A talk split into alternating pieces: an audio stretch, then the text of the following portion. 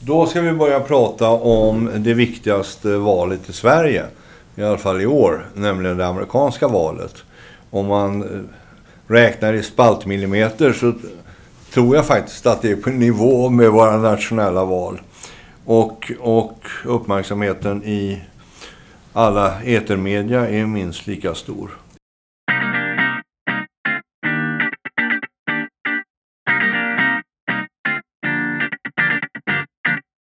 Det är väl en gigantisk svensk förhoppning att det är Biden som vinner, tror jag. Och att framförallt att Trump förlorar. Jag undrar om inte det är det som är en stor anledning till den enorma uppmärksamheten. Men det tråkiga med uppmärksamheten är ju det att den har en tendens att bli lite, ska vi säga, alltså den blir lite propagandistisk i sin analys. Okej, okay, vi tycker kollektivt att det vore bra om Biden vinner. Vi vet egentligen inte riktigt varför mer än att vi tycker extremt illa om, om Trump. Och det verkar ju som om det här innebär att vi börjar bli övertygade om att Biden faktiskt kommer att vinna. Därför vår förhoppning är så stor. Ja, precis. Va? Och det är ju ganska farligt. Va? Därför att hur man än räknar och trots alla analyser så väger det ju fortfarande. Det är några eh, ska vågmästarstater det handlar om och eh, det är klart, vinner Biden Texas och Pennsylvania så är det väl klart sen. Men, men det är ju inte säkert att han gör det. Och det finns ju en sån här Sverigedemokrat-effekt i det här. Att många drar sig för att säga att de gillar Trump när de blir uppringda. Eh, precis som folk eh, drar sig för att säga att de är Sverigedemokrater. Så att, alltså, jag är... Jag tror in... det är osäkert, enormt osäkert. Det är väldigt osäkert. Alltså Men... förra valet vann, Hillary Clinton vann med tre miljoner röster i landet om man ja. räknade bara antal. Ja. Och förlorade. Och jag menar, den, det innebär ju att sådana sådana saker kan ju inträffa igen. Alla, inget val är ju sådär millimeterrättvist. Så det, är, det är liksom ord, ordning och reda och, och, representation och saker. Och där tycker jag att vi är lite, också lite fel ute i analysen i Sverige. För vi säger att det är orättvist för andra med, med röster. Men det finns ju faktiskt en anledning till detta. Och det är det att USA är en federation av fria stater. Och eh, konstitutionen är ju baserad på att de här agrara staterna ute i mellanvästern som kan försörja kanske några miljoner människor ska ha en vikt som, som balanserar mot Kalifornien och New York och så vidare. Och det tycker jag, alltså rent demok demokratiskt sett så är ju inte det dummare än alla andra sätt att dela in en, en, en demokrati och en val eh, ett valunderlag och så. Man måste finna sig i det bara. Det skrev, konstitutionen skrevs, eller sättet att välja skrevs ju för länge, länge sedan mm. Amerika såg annorlunda ut. Och sen så kan man tycka att det borde väl ha reformerat det, men det, det ska ju vara trögheter i man plötsligt gör om ett lands grundläggande sätt att, att lyssna på sina medborgare. Så det får man finna sig i att det finns eftersläpningar. Ja, och sitter man i Miles City i Montana mm. så är man ju i alla fall i en stat som är lika ja, stor som Belgien och Holland tillsammans. Även om det inte är lika många människor där. Det är klart, lite tyngd ska ju även en sån stat ha. Ja, men alltså, var, det är ju inte så att Sverige har ett absolut, absolut, absolut representation i hur vi väljer våra riksdagsledamöter heller. Så att man vill finna sig små skavanker finns det alltid.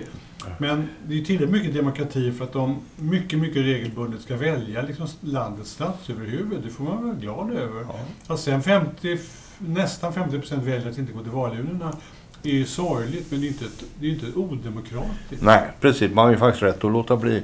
Och eh, det som jag tycker är intressant, det är egentligen två frågor som är intressanta. Det ena är ju det, kommer man att acceptera valresultatet eller blir det fyra månader i högsta domstolen eller i lokala högsta domstolen i Florida och så vidare innan det hela är klart. Eh, kommer det att bli våld? Eh, men det som jag tycker är intressantare det är okej, okay, när oron har lagt sig och Trump eller Biden leder landet. Vad innebär det för USA och för resten av oss? För det är ju egentligen det mest intressanta. Vad, om man rullar på i Trump-administrationen fyra år till och sen efterträds han av sin dotter. Eh, vad innebär det för världen?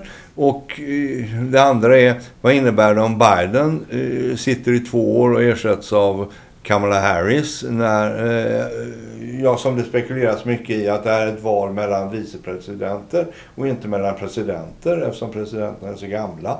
Jag menar, vad blir det för värld i maj nästa år när, när dammet har lagt sig så att säga? Det hände ju något konstigt någon gång under... Och när var det egentligen? Alltså, någonstans så plötsligt så började ju, får man då erkänna, att det republik, republik, republikanska partiet började ta in egendomliga rörelser av typen Tea rörelsen Och då kändes det som att någonting hade hänt med Amerika. För att om man backar lite så kan ju vi överblicka en lång rad, inte en lång rad, men en rad demokratiska presidenter och republikanska presidenter. Och vi, vi i västvärlden och Europa gled förbi den ena efter den andra. Och, och en var väl bra och en var väl ganska bra och en var mindre bra. Men det var inte någon större skillnad på dem. En gammal Bush var väl ungefär som Jimmy Carter, även om de tillhörde varsitt parti. Och, och ehm, eh, Nixon var ju klart lite knepig, får man väl erkänna. Men, men egentligen var det inte så stor skillnad på det. Men någonstans uppträdde någonting inom den amerikanska som jag inte förstår om det var en reaktion på väldigt mycket, väldigt mycket liberal vänsterrörelse inom Demokraterna eller om det var självuppstått inom Republikanerna? Det där, alltså. det där är en jätteintressant fråga och jag har varit ganska nära den frågan för jag har en kamrat i Los Angeles som, alltså här pratar vi, här pratar vi det fördomen säger världens mest demokratiskt inriktade människa. Vi pratar om en... Din gode vän alltså? Min gode vän, ja. Mm. En New York-jude mm. som gick ut etta på Harvard Law School. Mm. Som blev en av de eh, toppadvokaterna på, på immaterialrätt i Los Angeles.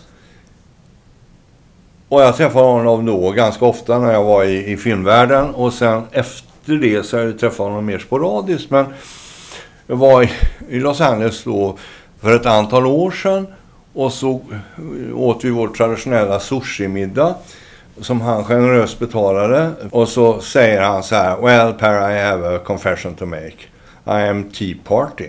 Då tänker man, men hallå, här snackar vi New York-jude. Alltså mina fördomar, visst. Eh, Harvard Law, hyperintelligent, rik som ett troll. Varför? Why? Säger jag. Well, we are losing the American values. We are losing the initiative. We are losing the American dream. Mm -hmm. We are going soft. We are going Europe. Och, och, alltså, och hans bild var det att vi, vi håller på att förstör det som har varit dynamiken i den amerikanska motorn. Nämligen Go West Young Man. Mm. Och förut då gick man ju West fysiskt och nu går man ju West mentalt och flyttar till Silicon Valley och så vidare. Och han, han, hans take på detta som hyperprivilegierad Los Angeles-bo som sitter på toppen av en av bergen uppe i Canyons och ser ut över havet och ut över Los Angeles. var det att we are losing it. Kineser och andra som har initiativ och springer kommer att springa från oss. Därför att vi vi are not pursuing the dream anymore. Och alltså det var väldigt intressant det här att prata med honom. För alltså dels så blev vi ju nästan ovänner under diskussionens gång. Eh, och och eh, jag som har haft, ska jag säga så här, en mental gemenskap med den här killen i ett 20-tal år. Helt plötsligt känner jag att men, det finns någonting här som jag bara inte förstår. Mm. Jag förstår inte att lagom är destruktivt. Men för honom var lagom destruktivt. Det här att det, ska jag säga, att det inte är kamp, att man inte svälter ihjäl eller blir mm. vrålrik, att man inte eh, åker till Texas och skaffar en ranch och, och, och, och så vidare. Att, att, att han uppfattade det som ett moraliskt förfall i Amerika. Och sen har ju den, det här är ju då ett antal år sedan och så har Tea Party det har ju blivit ja, Trumpism och så vidare.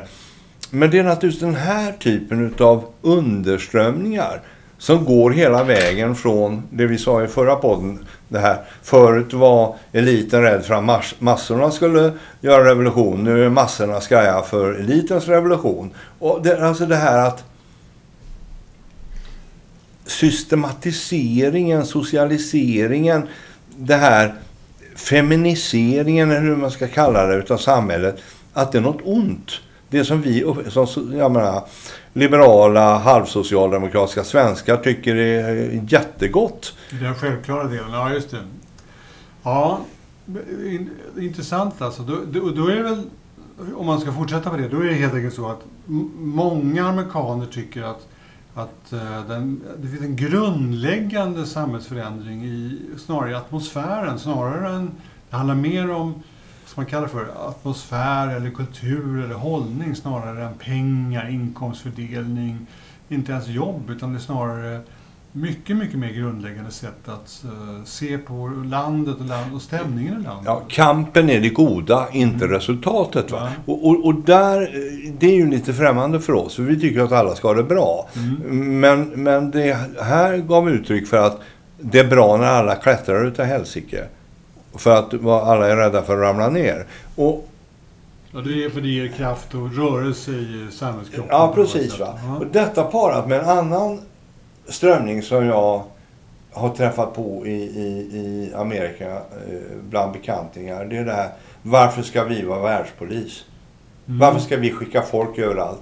De där afghanerna, de kommer ju slå ihjäl varandra i tusen år till. Varför ska vi dit och försöka ställa till rätta? Och så, det, och, det, och det är en trötthet. Ja, men samtidigt kan man säga att den är ju ändå så att den, det finns en amerikansk tradition som som är åt det hållet. Ja. Det, det har inte varit självklart för Amerika att vara polis på något sätt. Nej, det fanns ju inte före, före Roosevelt. Alltså, de gick ju med motvilligt i andra världskriget och hade Lindbergh blivit president mm. så hade de ju gått, inte gått med. Ja, och, och, så vidare. Så att, och, och till och med första världskriget fanns ju amerikaner med, men det har också en känsla av en reaktion på att tyskar ubåtar sköt ner amerikanska handelsfartyg. Ja. Och, och det, så liksom, det var inte en självklarhet för dem att ingripa i Europa. Och, och andra världskriget som nu är inte alls självklart för dem för att Nej. göra det. Ja, och sen var vi trötta på oss europeer som har förlitat oss på Amerika som världspolis. Mm. De har betalt eh, en 3-4 procent av BNP till mm. försvaret. Vi och vi har liksom inte gjort det och så ligger vi under deras sköld så att säga. Mm. Så att det finns många sådana här samverkande faktorer som ju kan leda till en jäkligt tråkig världsbild om Trump får fyra år till. va? Ja, men om man... Jag tror att, jag tror att, um, jag tror att de här förklaringarna låter rimliga. Och, och sen har de på något sätt lierat sig med eh, det så kallade rostbältesbesvikna. För det, jag tror att det spelar så stor roll också. Det är klart som att det den gruppen av människor finns ju såväl i Europa som i Amerika. De som har övergivits av att industrisamhället lämnade dem. Alltså den vanliga fabriken lämnade och flyttade till Kina om man, om man, grov, om man målar i grova drag. Och plötsligt så är den där självklara arbetsplatsen inte där längre. Och det leder till stora, alltså stor besvikelse i stora grupper. Ja, och det där är naturligtvis ett, ett ämne där Amerika har mycket, mycket större förutsättningar att göra någonting åt det än vi andra. Va? Eftersom de är ganska många och de har ganska stor hemmamarknad. och De har ganska stor resurs och, och energi och eh, råmaterialbas. Jag menar, så Amerika kan ju mycket väl återskapa en, en eh, fordonsindustri som gör alla pickuptruckar i Detroit istället för i eh, Thailand som de görs nu och så vidare. Så att, men det är svårare för oss i Sverige för alltså att återskapa ett rost, eh, fungerande rostbälte. Eh, vi är väldigt beroende på internationella handeln. Och om det blir protektionism i bakändan utav ett Trump-regim eh, så kommer ju det slå stenhårt på som har 70 procent ja, ja. av vår BNP i exporten. Så. Men det är ju samtidigt svårt. Om vi tänker oss att, att vi skulle, man skulle bli, själv bli vald, alltså man skulle bli president i Amerika. Så att backa systemet, jag, jag förstår vad du menar. Landet är så stort så det omfattar liksom allting. Man har egentligen alla delar själv. Men det är en ohygglig process att, att ställa om 350 miljoner människor till, att, till den något lägre levnadsstandard som det innebär. Eh, till, till priset av att fler får jobb och att det börjar bygga fabriker igen. Kanske det krävs en väldig övertalningsförmåga att se till att först kapitalet flyttar hem, sen att vi finner oss i att börja jobba i de, de här fabrikerna ytterligare en gång och sen totalt sett att bilarna har blivit jävligt mycket dyrare. Det vill säga att levnadsstandarden egentligen sjunker. Det är, en, det är en rejäl omställning för att klara av det. Jo, jo, den, det, det är den, klart. den går, men menar, och den går kanske under ett, i ett krigstillstånd eller något så skulle det vara lättare att göra det. Men den, den är svår att göra som president i ett, i ett land som för övrigt lever i fred. Jo. Och det, där, är, där är ju ett problem. För att alltså, den amerikanska bilarbetaren som medelklass, Mm. som han ju var under toppåren Visst. på 70 och 80-talet. eh, Det lär ju inte komma tillbaka om man tar tillbaka jobben ifrån, ska vi säga, en thailändsk medelklass. Som naturligtvis köpkraftsmässigt blir amerikansk underklass. Så, så att ja, men processen den blir inte, det är ju inte enkelt Verkligen. att göra det här. Det är precis som du säger. Va? Och då säger eh, vän av oordning då att ja, men, men det spelar ingen roll. Därför att Kina tar över resten av världen och så är vi hemma och tar hand om oss själva och så har vi atombomben så Kina vågar sig inte på oss. Och så får Europa gå dit de vill och Afrika blir en kinesisk råvarubas och Mellanöstern kommer bara kapslas in av kineserna. Så att, eh, ja, så då får, kommer vi att leva bra. Vi kommer, vi och Sydamerika kommer väl att ha det ganska bra här på västra halvklotet. Och får Kina ta resten. Färdigt.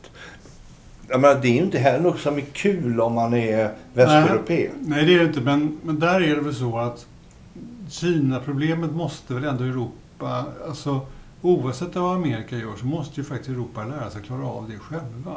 Vi får finna oss i att vi har ett försvar som gör att vi kan ingripa om någonting mycket, mycket allvarligt skulle hända. Vi måste väl se till att vi har en industri som är kompatibel och, och, och, och liksom tävlingsbar med, eh, med utlänningarna. Vi, det är, det är där kan jag förstå om am- amerikanerna till och med blir trötta på européerna, att vi faktiskt inte lyckas enas. Utan det är inte riktigt så att de ska faktiskt ta hand om oss. Nej. Vi måste göra det själva. Men det, bara och, så. och det, är vi, det är vi överens om. Och då är Ja. frågan, kommer vi att behöva ta hand om oss själva på olika sätt? Ja, om det är visst. Biden Ja, eller men Trump, visst. så att säga. Ja, ja, ja. Jag, egentligen tycker jag, alltså, om man tänker på Trump, och man, även om man inte tycker om honom så måste man ju säga så här, det är klart att han har rätt i det. Det är ju helt fel att vad fan ska amerikanska skattebetalare betala det europeiska försvaret? Det är ju en helt galen situation. Som vi har tillåtit vara där. Eh, och, och han uttrycker det på sitt plumpa, trumpaktiga sätt, men det är ju ändå så att det är, ju- det är en riktig tanke. Vi måste ju lära oss försvara oss själva. Vi måste, ta, vi måste ta ut den delen av, av eh, fin, den statliga finansen och lägga det på försvar. Genomgående, oavsett om vi är med i NATO eller inte. Självklart är det så. Så det, det måste vi göra. Och där, där är det egentligen bara så att oavsett om det är Trump eller Biden, nästa gång frågan kommer på tal så borde alla europeer säga ja men ni har rätt. Det är klart att vi måste göra det här. Ja. Låt- Men de enda i. Europa som egentligen är är med på den bollen, det är ju fransmännen. Ja. Tyskarna är ju så långt ifrån den som det går att komma. Ja, ja, ja. Och, det, och vi finnarna är någonstans... Eh, vi, när man ser på de här mätningarna vilka länder tror på att försvara sig själva. Mm. Så ligger ju Finland i topp och sen kommer Sverige och Ryssland och så kommer resten så att säga. Men, men det, det... Den bollen kommer. Det kan vi nog vara överens om oavsett Biden eller Ja. Trump. Ja, Därför att de amerikanska statsfinanserna Mm. kommer att kräva det. Ja, och det- den interna politiken i landet. Alltså, Mm. inte ens Biden kan finansiera Tysklands försvar. Det, det, det, tiden har gått ifrån det. Ja, de, de borde inte. För det där är ju, det där är en riktigt krånglig fråga. Alltså, den, den amerikanska statsfinansen, hur, hur och vem ska klara av det? Eh, Trump skiter ju i det, kan man ju säga. Och det lär man göra även om man, om man vinner nu, så lär han väl göra det en gång till. Därför att han har ingen anledning att göra något Ja, men, annat. alltså, det, det är väl som man säger, att så länge dollarn är världsvalutan mm. så kan amerikanerna låna i princip hur mycket pengar som helst. Det spelar liksom ingen roll för det finns inget, det finns inget alternativ till dollarn. Men om renmin helt plötsligt skulle bli ska säga, en valuta eh, på nivå med dollarn Mm. Eller rupien eller pundet eller euron. Då sätts ju helt plötsligt ett tak på hur mycket amerikanerna kan låna. Och då blir det en helt annan situation. Jo, men men, jag- som läget är idag så kan faktiskt amerikanerna köra på väldigt, väldigt långt. Va? Därför det finns ingen annanstans att stoppa sina pengar om man är orolig eh, miljardär i Macao eller, eller, i, eller i Bombay. Så, så dollar måste du ha. va? För annars vet du inte om pengarna försvinner. Du menar egentligen är det inte, det är inte långivarna som skulle plötsligt sätta stopp eller börja höja räntan som gör att amerikanerna hamnar i dåligt läge. Utan det är, det är egentligen att den kinesiska ekonomin blir så stark så att det, det blir Nej, plötsligt ett investeringsalternativ. Nej, men det är, inte, det är ju inte bara fråga om utan det är också förtroendet. Va? Alltså, du vågar ha dollar. Mm. Därför att du tror inte att USA kommer att ta dina dollar. Mm. Men än så länge vågar du inte ha renbi. nej. För helt plötsligt så skickar SI ut en, ex, en ukas. Mm. Renbin är värd noll. Nu kommer en ny eh, valuta som heter Bembi. Mm. Ja, men alltså, och, och det är väl där eh, reservvalutefrågan. Alltså, amerikanerna har i förhållande till oss andra en, ett frispel här. Ja, jo ja. Men jag kan inte låta bli att tycka att vore jag statsman i Amerika så skulle jag ändå vara lite bekymrad över statsbudgetunderskottet. Jag skulle, Jo. skulle försöka, försöka göra någonting åt Jo, det. alltså helt plötsligt en dag så ringer ju SI och säger så här, Hallå guys, time to pay. Därför en stor del av skulden ligger i Kina. Mm. Även om den största delen ligger till amerikanska medborgarna så finns ju en stor skuld även till Kina. Så att det, det, det är klart, det, visst skulle man göra det. Men, men åter till det här med Biden och Trump. Blir politiken väldigt annorlunda? Blir det Kennedy years igen om Biden vinner?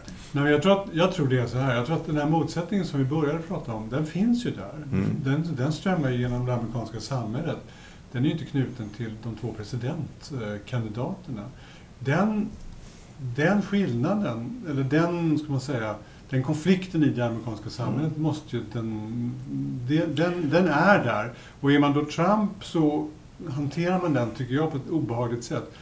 Biden måste ju lära sig att ta hand om den på något sätt som gör att det, det- det där tror blir jag du- ordning. Där tror jag du har väldigt rätt. Och det tycker jag saknas i den svenska debatten.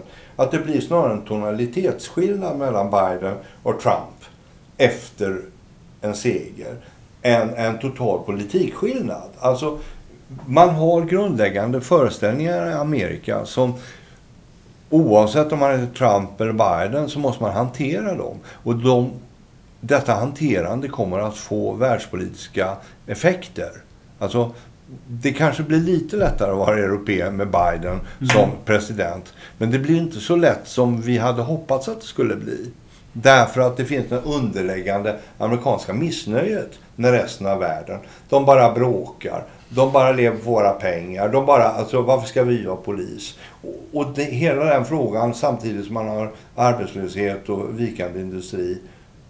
Så, ja, nej, men det är intressant alltså. Men, det, men när man så här, fördelarna, om vi säger att det blir Biden, fördelarna skulle väl vara att NATO inte hela tiden ifrågasätts, utan det, det som händer, gissar jag, är vi vill hemskt gärna behålla vårt NATO, men ni får faktiskt också betala er försvarsdel. Den delen kommer att bestå, skulle jag gissa. Ja. Vilket då för, framförallt för Tyskland kanske blir lite obehagligt. Man måste helt enkelt ta mer av skattepengarna och lägga på försvaren till Mm. på annat. Eller ta bara ut mer skatt. Det är ju en omställning i många stora europeiska länder kanske. Det blir skillnad. Sen är det ju naturligtvis så att, att eh, det här med att... Det blir tryggare för man får tid för eftertanke. Ja. Det blir inte det här, Nej. ställ inte upp så stänger jag av, Ja. som Trump kör. Och sen gissar jag att vi kommer andas ut lite grann därför att Biden skulle ansluta sig till Parisavtalet igen. Så att vi har en gemen, mer gemensam linje i koldioxidfrågan. Och det vore ju rätt skönt att kunna diskutera vidare. Även om det är mycket kvar så är det bättre att diskutera med, med en amerikansk ledare som säger att vi håller med men vi måste göra det på, i vår takt eller på vårt sätt eller något sånt där. Skulle Biden klara ryssarna och kineserna bättre än Trump? Jag vet inte, men jag tror att inbillar mig det, men inte så att han är tuffare, bättre, hårdare, utan kanske bara att han är mer, tror jag, att han är mer konsistent. Att det finns Ja. en linje. Men, men nu, jag pratade med en annan kompis häromdagen. Som, som just hade kommit hem från Kina. Och han sa så här. Det är ingen tvekan om att kineserna kommer att ta Taiwan inom två år. Vadå? Så, vad säger du? sa jag. Mm. Ja, men det, det, det, då blir det ju fan krig. Ja. Nej, nej, amerikanerna kommer inte våga göra någonting. Kineserna tar Taiwan på en vecka. Och de är helt övertygade om att det, de måste göra det. Mm. Jaha, jo men jag pratar med många kineser nu när jag varit där. Och, och det, det, är liksom, det, är inte, det är inte ens ett frågetecken på den grejen. Det är bara en timeline. Mm. Och då är det klart att har man den världsbilden att, att Kina har ambitionen att återställa någon form av kinesisk ordning i Fjärran Östern Mm. som vi uppfattar som oordning. Alltså det, då, då hänger det väldigt mycket på utvecklingen, vem som är president i USA. Men jag skulle i så fall vara mer... Jag skulle själv vara mer... Jag skulle förlita mig på Biden mer. Jag skulle gissa så här. Biden skulle... Han skulle göra en, en äkta bedömning av läget och göra någonting som följer en sorts linje. Trump skulle kunna göra vad som helst och, och ändra sig dagen efter. Det är mitt intryck. Ja, och det- det är mycket, mycket farligare. Ja, det, det är den stokastiska komponenten hos Trump.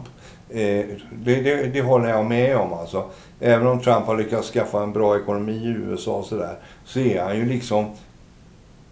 Han, han framstår ju som något mentalt osäker helt enkelt. Att han, han får för sig grejer och så Mm. klipper han till. Och så, eh, ja, så ångrar han sig efteråt eller ångrar sig inte. Men- och det är naturligtvis jäkligt Men, farligt. men Taiwan-exemplet är intressant därför att jag vet inte hur det är med Bidens utrikespolitiska hållning egentligen. Mm. Eh, Det enda har en känsla av att han är just erfaren och han förstår sig på det här. Mm. Och han är konsistent. Han håller sig till en linje, ungefär som folk är mest, som, Mm. är, som har höga positioner. Mm. De försöker hitta. Sen försöker han förmodligen hitta kloka rådgivare. Och jag gissar att den amerikanska hållningen i grunden fortfarande ändå är att det här gillar inte vi. Vi tycker extremt illa om att Taiwan skulle Ja. liksom plötsligt bli någonting annat. Det där, det där är intressant, för just det där med att kunna skaffa sig goda rådgivare. För Trump skaffade ju när han började Mm. ett antal väldigt goda Mm. rådgivare. Mm. Eh, men de orkade inte vara kvar. Eller så var de för ärliga och så kastade han ut dem. Mm. Alltså sådana som Mattis Mm, och, visst. och Haley och sådana här. Och, och det är klart att Bidens motsvarande rådgivare, de kommer att vara kvar i två, tre, fyra år. Vi tror att han är sån, ja. Just Ja, det. Ja. Det- Och, det, och det gynnar en, en sån där komplicerad fråga som Kina och Taiwan. Alltså. Mm. Så på det sättet skulle jag känna mig tryggare. Så världen blir lugnare med Biden Ja. än med Trump. Därför att det är en stokastisk komponent som försvinner. Sen har vi ett krångligt läge med Turkiet som jag inte riktigt har förstått. Att, att Erdogan lite grann, att han, han är så egendomlig beror på att han har stöd. Eller på något sätt, han har inte, han har inte icke-motstånd från Trump. Vilket jag inte riktigt har insett förrän nu. Och där gissar jag också att det skulle bli lugnare för Europa med Erdogan som lite grann får tummen i ögat därför amerikanerna helt enkelt säger åt honom att hålla käften.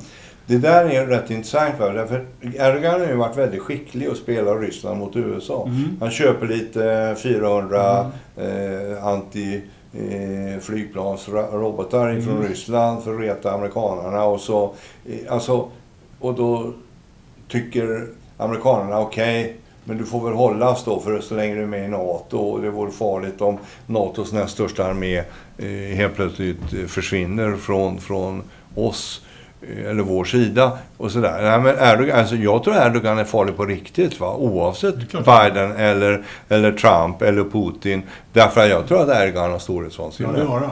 Ja, alltså han, han har någon form av eh, missionärskomplex. Han Visst. tror det finns bara en, en islam och Mm. eh, alltså det, det här. Han, han har någon form av Ottomanska imperiet 2.0 Ja, ja. i sin världsbild. Men jag tror, men där inbillar jag mig att Biden kanske skulle vara bättre för Västeuropa och Amerika om, snarare än Trump. Alltså. Men du, det är en sak till som vi måste, som vi måste fundera på. Det är, alltså, om tillbaks till rostbältet. Om man säger så. Där är, om igen, Europa och USA sitter egentligen i samma sits. Den, den gamla den gamla välmående, vä- alltså välståndsbringande industri, tillverkande industrin. Mm. Hur ska den komma tillbaka? Det är ju, där har Trump hävdat att han har gjort saker. Jag är inte säker på att det har blivit så mycket av hans. Han vill ju någonting med dem och han anser att han är deras president. Och det är ett dilemma som, som vi behöver lösa. Vi kan ju inte låta våra inte små industristäder bara gå förlorade den ena efter den andra.